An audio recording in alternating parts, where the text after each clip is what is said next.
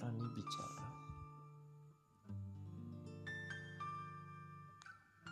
Di kesadaranku yang kian merosot begitu dalam.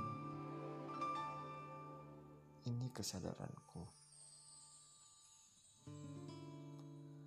Kesadaranku yang aku selalu awasi setiap saat. Aku menjaganya agar bisa menentukan arah pikiran yang ada di dalam diriku. Ini pikiranku. Aku mendengarkannya. Seperti saat ini, aku selalu merekamnya.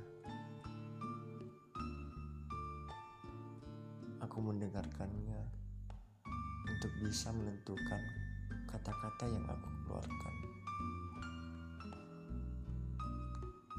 Ini kata-kataku. Kata-kata yang aku selalu awasi dan berhati-hati dalam berucap kata.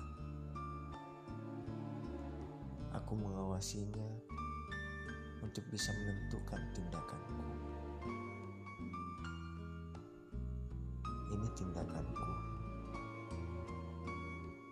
Aku melakukannya untuk bisa menentukan perulanganku. Meskipun sedikit membosankan,